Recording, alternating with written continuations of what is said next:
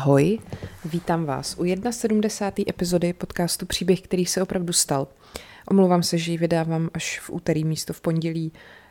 Uh, měla jsem zase nějaký technické problémy. Uh, ale vlastně se to hodí o trochu líp, protože já se chci dneska v rámci cyklu, co vás v dějáku nenaučili, věnovat svatýmu Václavovi a ten jeho den je zrovna dneska.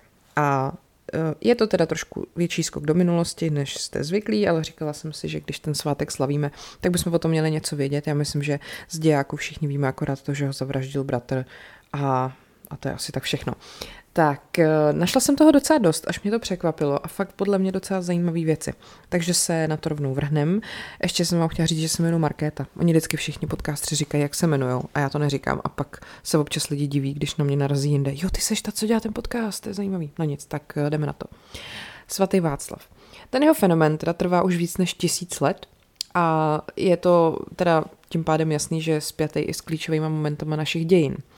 Ten jeho kult jako takový prošel docela velkýma změnama, stejně jako to, jak lidi toho knížete chápou, eh, protože ta tradiční katolická církev ho vždycky považovala za jasného národního patrona.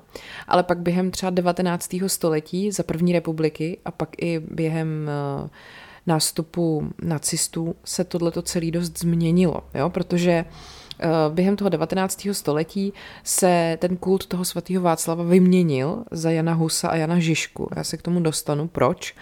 Takže chudák svatý Václav byl upozaděný a pak teda ještě kromě toho si ho prostě vzali na paškal nacisti a udělali z něj úplnej, jako v rámci své propagandy, úplně prostě takový svůj nástroj vlastně. Uh, on totiž ten svatý Václav to naše ohrožené území chránil tak, že saskýmu králi Jindřichu Ptáčníkovi platil takzvaný tribut pacis, neboli daň za mír.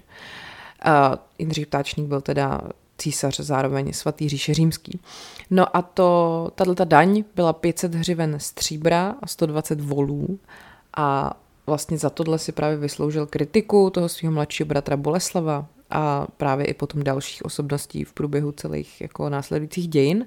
No a právě i tady tohleto odvádění té daně zneužili nacisti, protože uh, okupac, ok, ta okupační moc si vlastně toho Václava vybrala právě proto, že řekl, že on vlastně byl vizionář a pochopil, jaká je role německého a českého národa jako vůči sobě.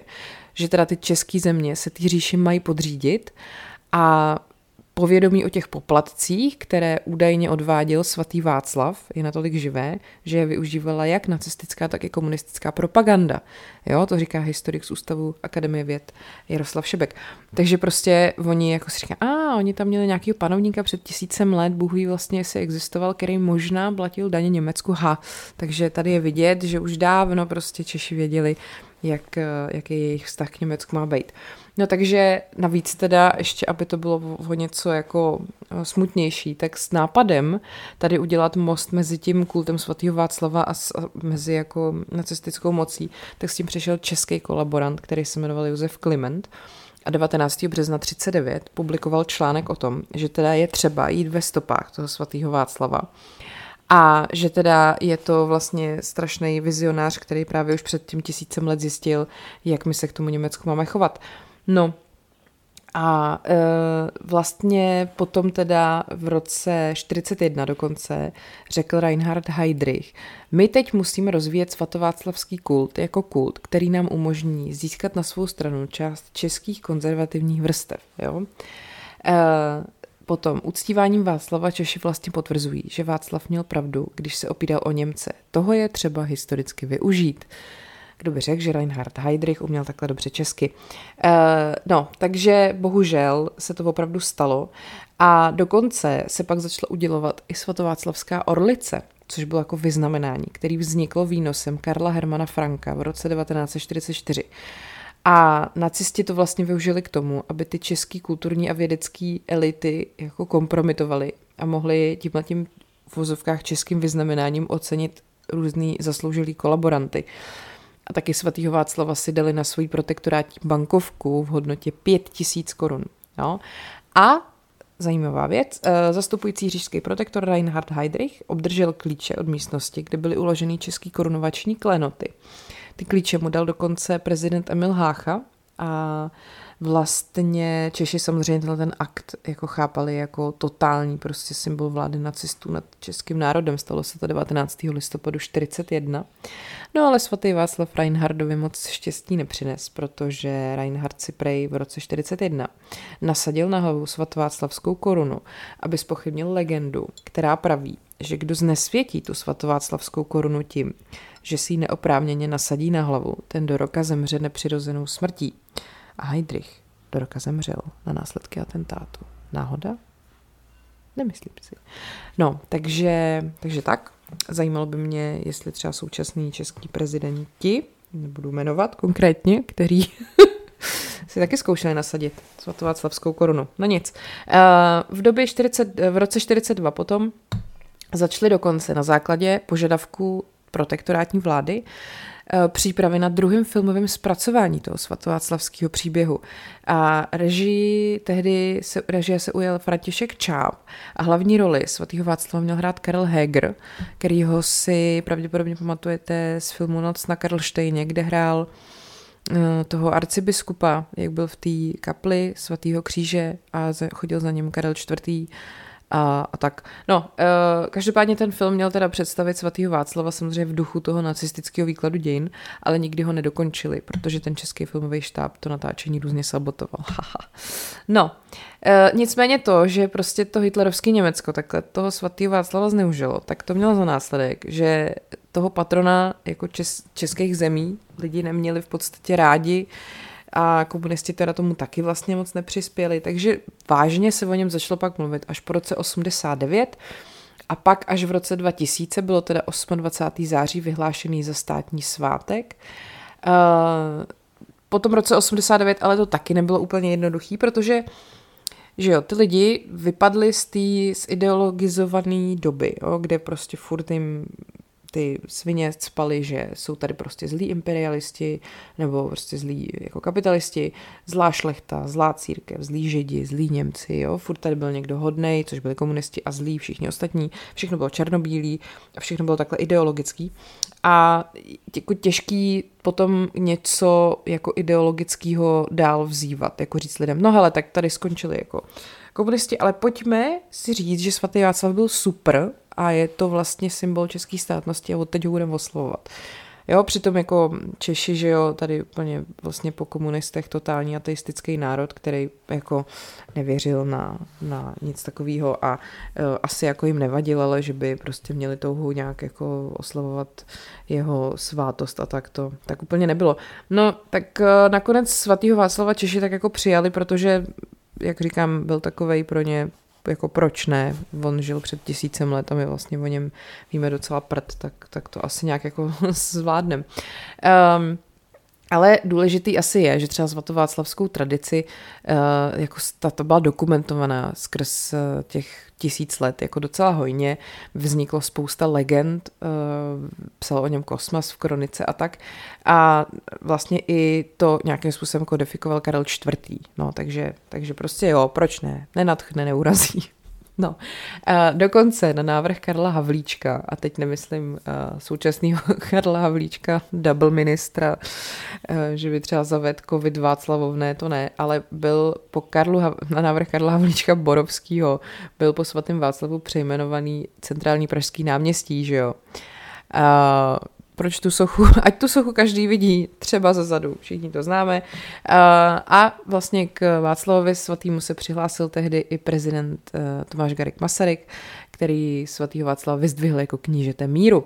Mimochodem, když jsme u toho Masaryka, tak to totiž v pátek 27. září 1929 se konala taková oslava vlastně milénia, jakože tisíce let po smrti svatého Václava, a e, tam vlastně vznikla ta velká svatováclavská tradice, ta jako řekněme moderní. Ta naše republika se k ní vždycky jako hlásila už v roce 1925. Ten státní svátek byl jako uzákoněný. Ale až v průběh tady tohohle toho, tady těch oslav se ukázalo, že vůbec to není snadný v tom, že ty různé politické strany tady toho světce jako vnímají různě. Jo. Takže stát samozřejmě kladl důraz na tu vojenskou složku oslav a podle odhadu se oslav zúčastnilo na 250 tisíc lidí. Nechyběla samozřejmě slavnostní výzdoba, jo, tam byly prapory na domech Václavského náměstí, dokonce eh, v přilehlých ulicích se eh, lidé prostě promenádovali ve slavnostních svátečních oblecích, měli na hlavách cylindry, měli slovanské, sokolské kroje a tak. No a teď tady třeba pamětník jako vykládá.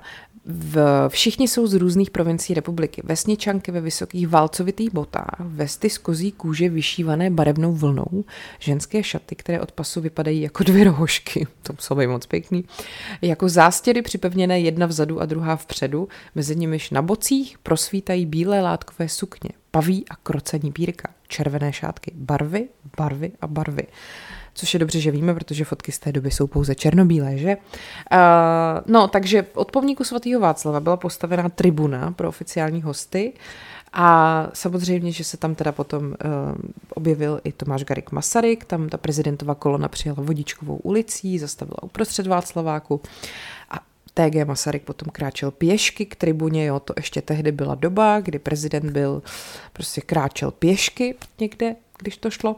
No a uh, potom teda uh, se rozběhla ta slavnost a uh, prezident TG Masaryk teda vyzdvihl Václavovu osobnost, především jako tvůrce zdravých základů československého státu. No, ale jak jsem říkala, svatý Václav to neměl úplně jednoduchý, protože v 19. století frčel Husův kult, jo? protože takový ty snahy o národní obrození a emancipaci českého národa v 19. století právě se hodně pojili s Janem Husem, protože byl vyzdvihovaný jako mučedník a důsledný obhájce té vlastní pravdy, jo, neodvolám, víte, co myslím. A tímhle tím se teda svatý Václav chudák chlubit nemohl, protože uh, za prvý se přesně neví, s čím vším se mohl chlubit, ale prostě to není takový to úplně jako jasně daný. Já vám neodvolám to, co jsem sliboval, co jsem slíbil, tak prostě víte, co myslím. No, ale jako oni se snažili, ty tehdejší historici, prostě uh, mluvit o něm tak, že statečně hájil uh, přemyslovský stát a rozumem svým zachránil nás, kníže Václav, před osudem polapských Slovanů. A tady ty, ty projevy plamený byly vysílený reproduktorem po celém Václaváku a přednášeli i státní rozhlas. Takže uh, to bylo prostě velký. A Václavský náměstí teda navíc bylo tehdy dokonce uzavřeno pro veškerou vozbu, což muselo být fakt jako zásadní, vzhledem k tomu, že tehdy jezdili tak tři auta po, celý, jako po celém Československu. No, tak uh, slavnost potom zakončily státní hymny, rozhlaholily se všechny pražské zvony a prostě tady tato oslava milénia uh, byla jako důležitý takový milník. Ty akce se pak protáhly až do neděle 29. září 1929 a TG Masaryk byl prý tehdy s tím spokojen. Uh, to milénium pro ně totiž byl jako zásadní moment, protože chtěl prostě uh, je to takový, byl to takový státní akt a chtěl tím potlačit úsilí lidovců a církve, aby si tenhle svátek přivlastnili. Jo? A prostě chtěl toho Václava tak jako darovat celému českému národu. A e, dokonce vedle průvodu a otevření katedrály byly i jiné akce, což byl třeba letecký den ve Kbelích a ten teda skončil tragicky. 21-letý desátník Karel Červený ze Zbyrohu se zřítil se svým letadlem a během pěti minut zemřel na prasknutí lepky. A krom toho teda nesouvisející věc, že návštěvníci teda mohli na hradě i zhlídnout eh, výstavu korunovačních klenotů. S těmi my máme v současné době taky výbornou zkušenost, co se týká našeho prezidenta. Uh, samozřejmě, že uh, kdo, komu se to nelíbilo, právě byli lidovci a sociální demokrati, protože ty si chtěli Václava uzurpovat pro sebe a um, měli pocit, že Masaryk jim to prostě jako dělá na schvál tady to. No, tak uh, přemýšlím, jestli jsem vám ještě něco neřekla zajímavého o oslavě milénia. Každopádně eh, samozřejmě, že rázně proti tady tomuhle tomu miléniu vystupovali komunisti, protože komunisti prostě nechtěli svatýho Václava, ty navrhovali, že se tady jako Den české státnosti nebo jako takovýhle náš národní svátek bude slavit Den Karla Líbknechta a Rozy Luxemburkové, nebo že se bude slavit Den Leninův, nebo Den pařížské komuny, a nebo Den Karla Marxe, nebo Den generální stávky za Československou socialistickou republiku, či Den ruské proletářské revoluce která byla Velká říjnová, ale ve skutečnosti se odehrávala v listopadu, což podle mě krásně definuje celou absurditu celého komunistického hnutí. Tak eh, nic z toho se naštěstí nestalo a máme teda svatýho Václava. Tak, Uh, samozřejmě ještě mi přijde, teda samozřejmě, přijde mi zajímavý, že výše uvedené uh, tady tohleto všechno dobře postihl židovský uh, deník Prager Tagblatt, což byl německy psaný deník teda. A ten napsal, že univerzální charakter poselství tradice svatého Václava je pro ně vlastně tím, že svatý Václav je první pan Evropan. A teď nemyslím jako pan Evropan, jako, jakože Miroslav Donutil je pan herec, ale jako pan Evropan, jo? Jakože je vše Evropan, prostě je, no, jdeme dál.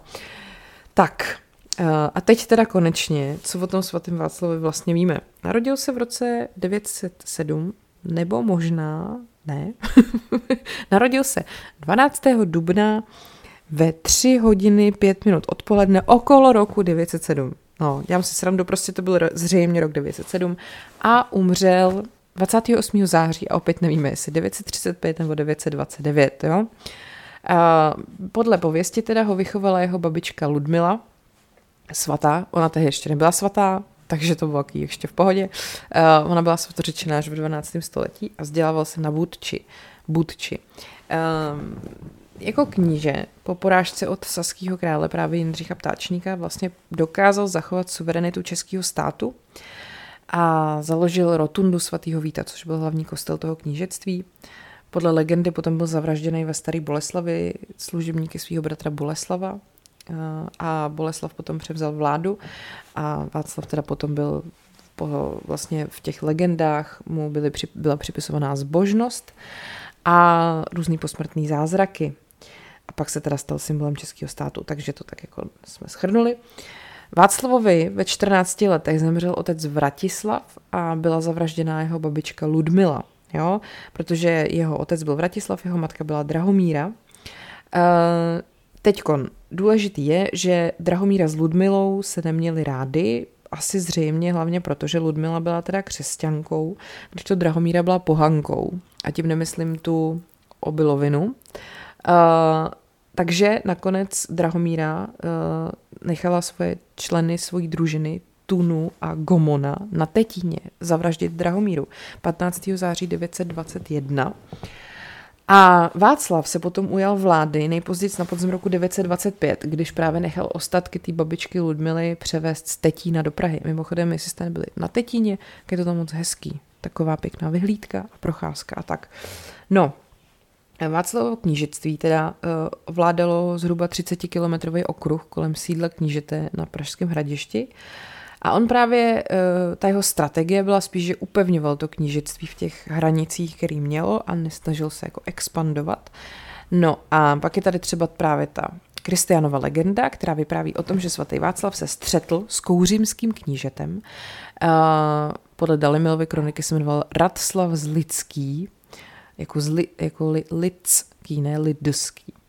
A uh, taky uh, vlastně je zajímavý, že Václav třeba se učil číst v latinských knihách a jeho vzdělání se ujal vzdělaný kněz jménem Učen. Jo? Jako, jak můžete být ještě víc, jako dát najevo, že jste vzdělaný, než se jmenujete Učen.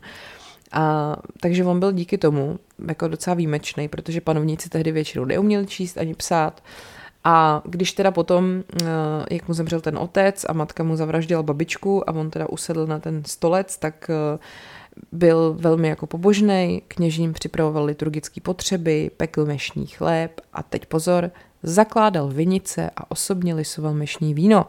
Takže o svatém Václavovi se říká, že to je vlastně zakladatel jako vinařství v Čechách. No, taky vykupoval otroky a bořil šibenice, těšil vdovy a pomáhal sirotkům.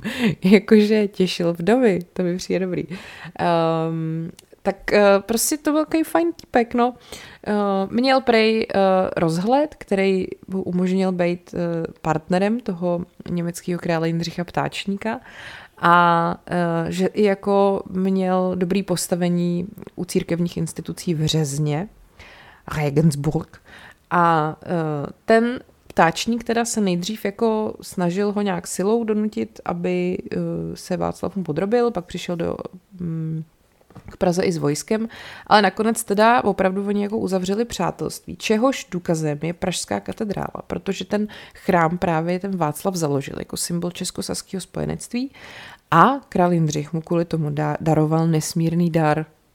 Jo, pozor, byl to kus ruky svatého Víta, což byl patron Saska. Takže naše katedrála je pomníkem přátelství se saským králem a je tam někde kus ruky svatého Víta. E, nicméně ale Václav teda, jak jsem říkala, Sasku prostě platil ty, mm, ty daně, což byly ty hřivny a těch 120 volů, uh, myslím jako zvířat. Tak uh, jdeme dál. Navíc teda zajímavý taky je, že Václav se prej podle nějakých badatelů oženil v roce 930 s blíže určenou příbuznou saskýho vévody Jindřicha Ptáčníka a v následujícím roce, takže by možná mohli být teoreticky příbuzný, jakože při, přiženěný, a v následujícím roce se jim narodil slin Slavník. Jdeme dál. Uh, jiní si ale myslí, že manželka mu syna neporodila, ale přesto nějakýho syna měl, ale nebyl to slavník. Dobové prameny totiž popisují, že Václav jim toho svého syna splodil s tajemnou souložnicí. Až teď mi došlo, že souložnice a ložnice Jdeme dál. V druhé staroslovenské legendě totiž se dočteme, že kníže byv přinucen jednou od svého bratra a svých vládyků pro zrození synu obcoval s ženou a splodil s ní syna jménem Zbraslav. Bohužel, co se stalo se Zbraslavem, nevíme, ale jestli existoval, tak zřejmě to s ním nedopadlo dobře. Eh, v první staroslovenské legendě zase zmínka, že po Václavově smrti byly zavražděny právě i jeho blíže neurčený děti, takže lze předpokládat, že to byly jako všichni jeho potomci, aby pak na knížecí eh, stolec mohl nerušeně usednout jeho bratr Boleslav. A teď teda, jak, jak došlo k té vraždě, teď mi tady zase štěká sousedovic pes, já se vám za to velmi omlouvám. Tak, Boleslav pozval svého bratra Václava na hostinu při příležitosti svátku e, svatých Kosmy a Damiana k němu do Staré Boleslavy. Jo, prostě Boleslav sídlil ve Staré Boleslavi. Představte si, že by Miloš Seman zval prostě lidi do sídla, do starého Miloše. Uh, druhý den rádo, ještě před rozedněním, se Václav vydal na radní pobožnost. Potkal cestou zpátky Boleslava a řekl mu, včera si nám pěkně posloužil, Bůh ti to oplať. Boleslav odpověděl a dnes ti chci takhle posloužit a udeřil ho mečem do hlavy. No a způsobil mu teda menší zranění, ale Václav mu vytrhl meč, odhodil ho, protože nechtěl prolít krev svého bratra. On byl prostě Mirek Dušín, ty vole, i pět minut před smrtí. A Boleslavovi družníci, družiníci, pardon, eh, potom Václava zabili. Takhle to vypráví legendy, eh, například nejstarší latinsky psaná legenda, která se označuje eh, Crescente Fide Christiana. Jo? První staroslovenská legenda popisuje vraždu podrobněji a to my máme rádi. V noci po hostině se spiklenci uradili s Boleslavem ve dvorci jednoho z nich Hněvsi. Po raním střetu obou bratrů který se měl odehrát v bráně, přispěchal nejdřív Tuža a těl Václava do paže. Václav se utíkal schovat do kostela. U dveří chrámu, které byly nejspíš zavřené, jej Tyra a Česta ubili a Hněvsa probodl mečem. Kněz Krastěj tělo přikryl, pak jej Drahomíra odnesla do knězova domu, ošetřila a odnesla do chrámu. Pobožnost nechal vykonat Boleslav, povolal k tomu kněze Pavla. Pro následování a zabíjení byli i Václavovi stoupenci, včetně urozeného muže Mstiny. Mně se líbí ty jména, to je prostě, jak když se baví banda nějakých 15 letých týpků. Tyra, Čestá, Hněvsa, vole, Tuža tam byl, Mstina. No, podle Kristiánovy legendy Vrahové svatého mučedníka rychlou jízdou do Prahy pospíšili a všechny jeho přátele rozličným způsobem krutě zahubili a jejich děti zaživa do hlouby řeky Vltavy potopili. Rozličným způsobem krutě zahubili. Hele, tohle nebudeme tohle nebudeme uh, bodat mečem, toho musíme uškrtit, jo? Budeme, aby to bylo rozličný. To je zajímavý. Legendy teda uvádějí datum zavraždění Václava v pondělí 28. září. Uh, rok teda neříkají, ale je to buď 29 nebo 35. Uh, eh, není možný to definitivně jako rozřešit, ale výrazně častěji se uvádí rok 35, k čemuž teda došla řada historiků nějakýma složitýma rozborama. Eh, dřív právě ještě na začátku toho 20. století, kdy to slavil i Masaryk, se uváděl rok 29. Ten se právě taky v některých těch legendách vyskytuje. Hmm.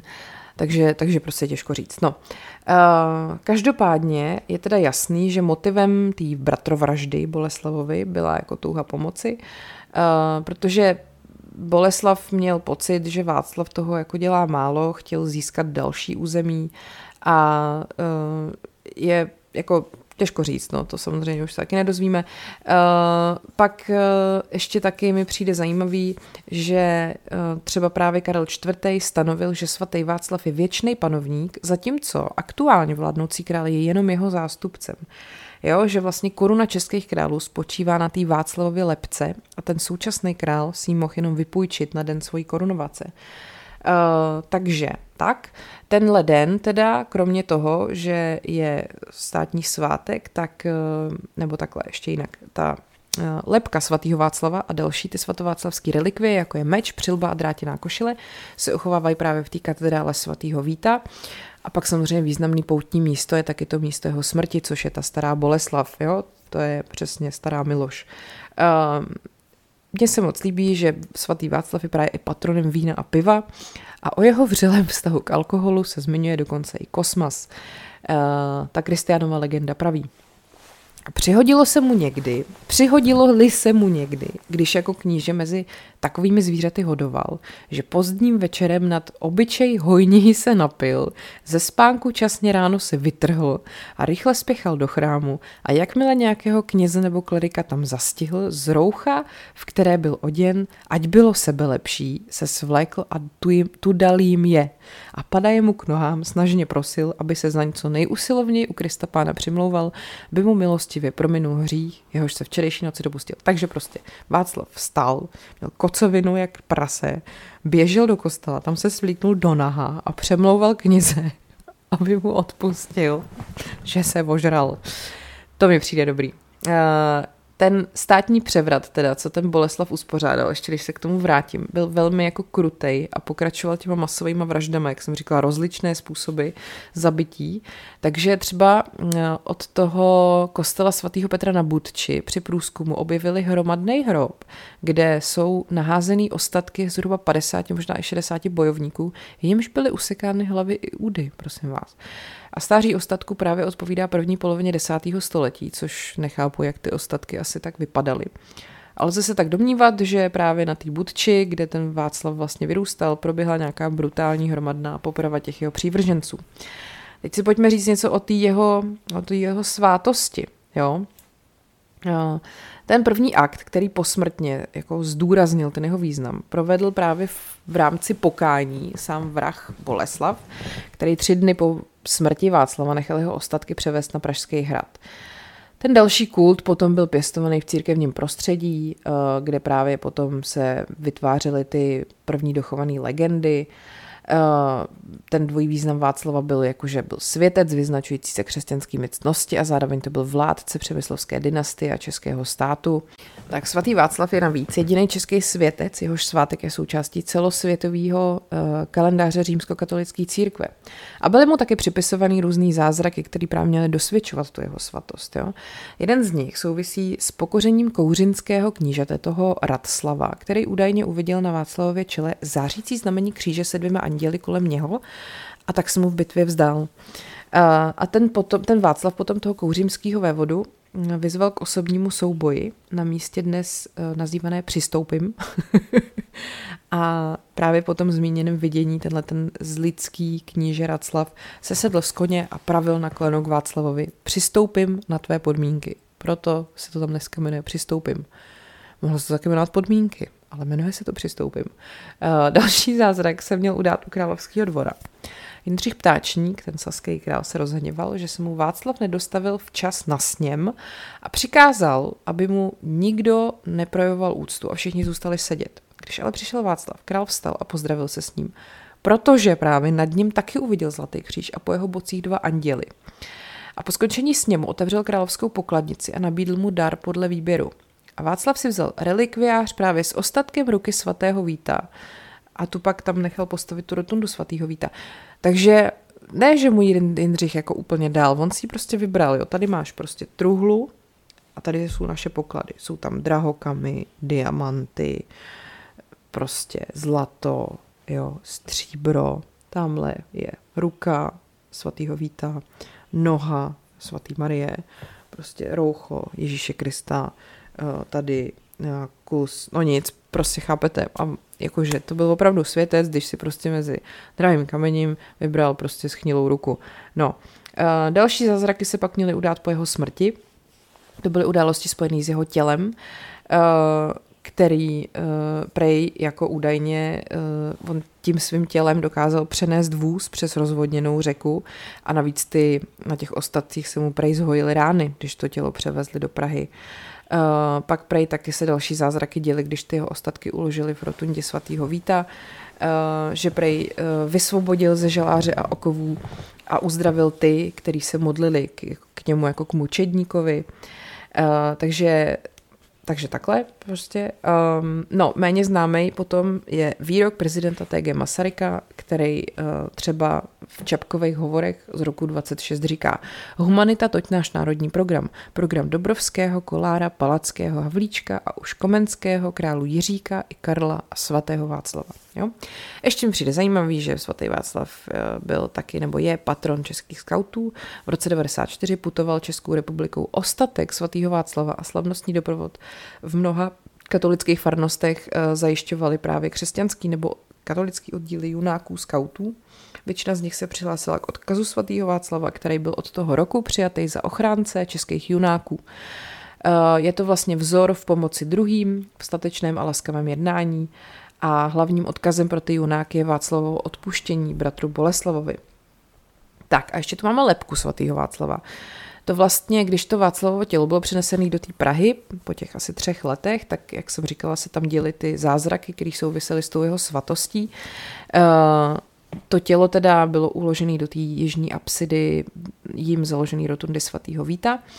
A místo pohřbu se vlastně v průběhu staletí nezměnilo, i když se potom ten hrob stal součástí románské baziliky a posléze dnešní katedrály svatého Víta. Eh, Karel IV. nechal nad tím hrobem zřídit svatováclavskou kapli, která je vy, vy, vyzdobená inkrustacemi z českých polodrahokamů a ten bohatý náhrobek teda ze stejné doby se bohužel nedochoval. Eh, a v době Karla IV. byly ty ostatky rozděleny do dvou částí. A mimo ten hrob byla vyňatá právě lepka svatého Václava a měla na ní spočívat v době mimo korunovační eh, ceremonii takzvaná svatováclavská koruna českých králů, kterou Karel symbolicky věnoval českému svědci a svýmu vlastně křestnímu patronovi, protože Karel IV. se vlastně původně jako je pokřtěný Václav. Eh, tím se vlastně právě ty jeho rodiče k tomu Václavovi jako přihlásili k těm přemyslovským předkům. Tak, eh, ta lepka bývá při slavnostních příležitostech jako vystavovaná, spočívá na zdobeném polštáři a nese korunu s čelenkou, věnovanou právě v rámci svatováclavských oslav roku 1929 ze sbírky krajanů ze Spojených států amerických. Jo? Uh, svatováclavská zbroj potom, tu tvoří přilba, pláštík, kroužková drátěná košile a i meč. A to, byl, to byla součást svatovíckého jako pokladu, ale užívání Václavem prostě není úplně jako doložený. Ta zbroj byla často považována za mladší, a pak byly zase nějaký znový výzkumy a opravdu to vypadá, že by mohla pocházet z jeho doby. A nejznámější součást zbroje je přilba, její nánosník ve tvaru kříže eh, je mladšího původu ze Skandinávie a je na něm vyrytá postava ukřižovaného Ježíše Krista. Eh, a podle některých tezí jde o skandinávského boha Odina, ten nánosník bývá dávaný do souvislosti se zářícím křížem, který právě ten kníže Raclav viděl na čele svatého Václava, jak se mu potom zdal. No, my vlastně o, bohužel o Václavovi, jak jsem říkala, nevíme přesně, kdy se narodil a někdy umřel, jestli mu bylo 28 nebo 44. Nicméně je zajímavý, že ty ostatky, které v té katedrále svatého Víta jsou, jsou opravdu jako velmi pravděpodobně jeho. A tak je taková otázka, jestli by současná antropologie dokázala určit ten přesný věk uh, toho knížete. Eh, a tady k tomu mluví profesor Jaroslav Brůžek z katedry antropologie a genetiky Přírodovědecké fakulty Univerzity Karlovy. Podle něj by se pro průzkum Václavovy lepky daly sou, využít současné přístroje. Šla by aplikovat celá řada metod, ale nedělejme si příliš iluzí, že bychom snížili ten interval, jo? že oni nejsou schopní jako prostě říct přesný rok, oni umí asi tak desetiletí, století. Rozpor tady existuje, každá vědecká disciplína hájí své zdroje. Uh, takže tak, historik Dušan Třeštík díky zkoumání kronik a legend třeba dospěl k závěru, že Václav byl Boleslavem zavražděn právě v roce 35 a že mu bylo 28 let. Naproti tomu antropolog Emanuel Vlček, který v 80. letech minulého století zkoumal ty kosterní ostatky a především zuby dochovaný, tak ten uh, tomu Václavovi ten, toho Václava nechává jakoby v vozovkách žít o 10 až 20 let díl. Nemůžeme žádným způsobem rozsoudit, pravdu mohou mít oba dva, protože máme jedince mladé, kteří mají známky stárnutí na svých zubech starší vzhledem ke svému chronologickému věku a je to i naopak, vysvětlil ten pan Brůžek.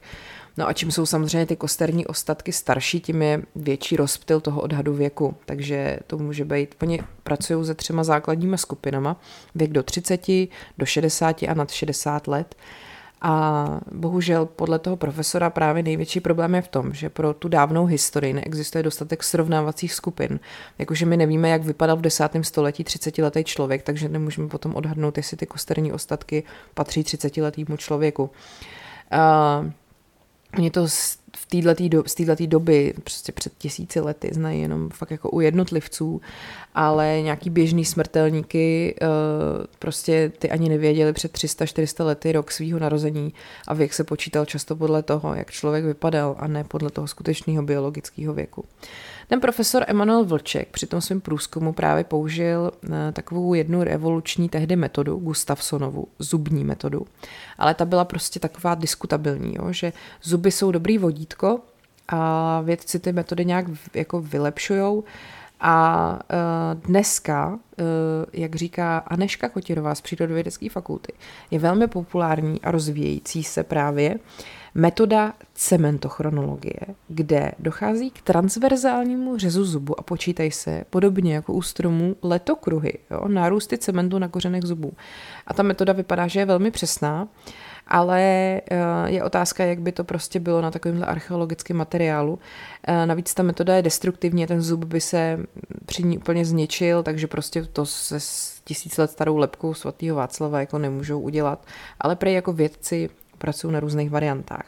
No a uh, právě, že potom tady mám ještě různý spochybňovaný výzkumy a teorie. A to se týká i toho antropologa Emanuela Vlčka, který v roce 82 zveřejnil výsledky svého antropologického výzkumu uh, kostelních, post, uh, kosterních pozůstatků lidí, kteří byli pohřbeni v kostele Pany Marie u svatého Jiří a u svatého Víta. A tvrdí, že lokalizoval hroby čtyř nejstarších známých přemyslovců Bořivoje, Spytihněva, Vratislava a Václava. A na základě toho pak tvrdí, že Václav a Vratislav, ten jeho otec, se dožili vyššího věku, než jak historici dneska říkají, že věk uh, dalších dvou zkoumaných z Pytihněva a Bořivoje se shodoval s tím, jak to historici vykládají. No, ale potom právě zase historici říkají, že to je chybný a zavádějící, že prostě navíc ta totožnost těch ostatků není úplně jako vyjasněná a že ty metody, které ten Emanuel Vlček použil, jsou uh, označovaný za málo přesný.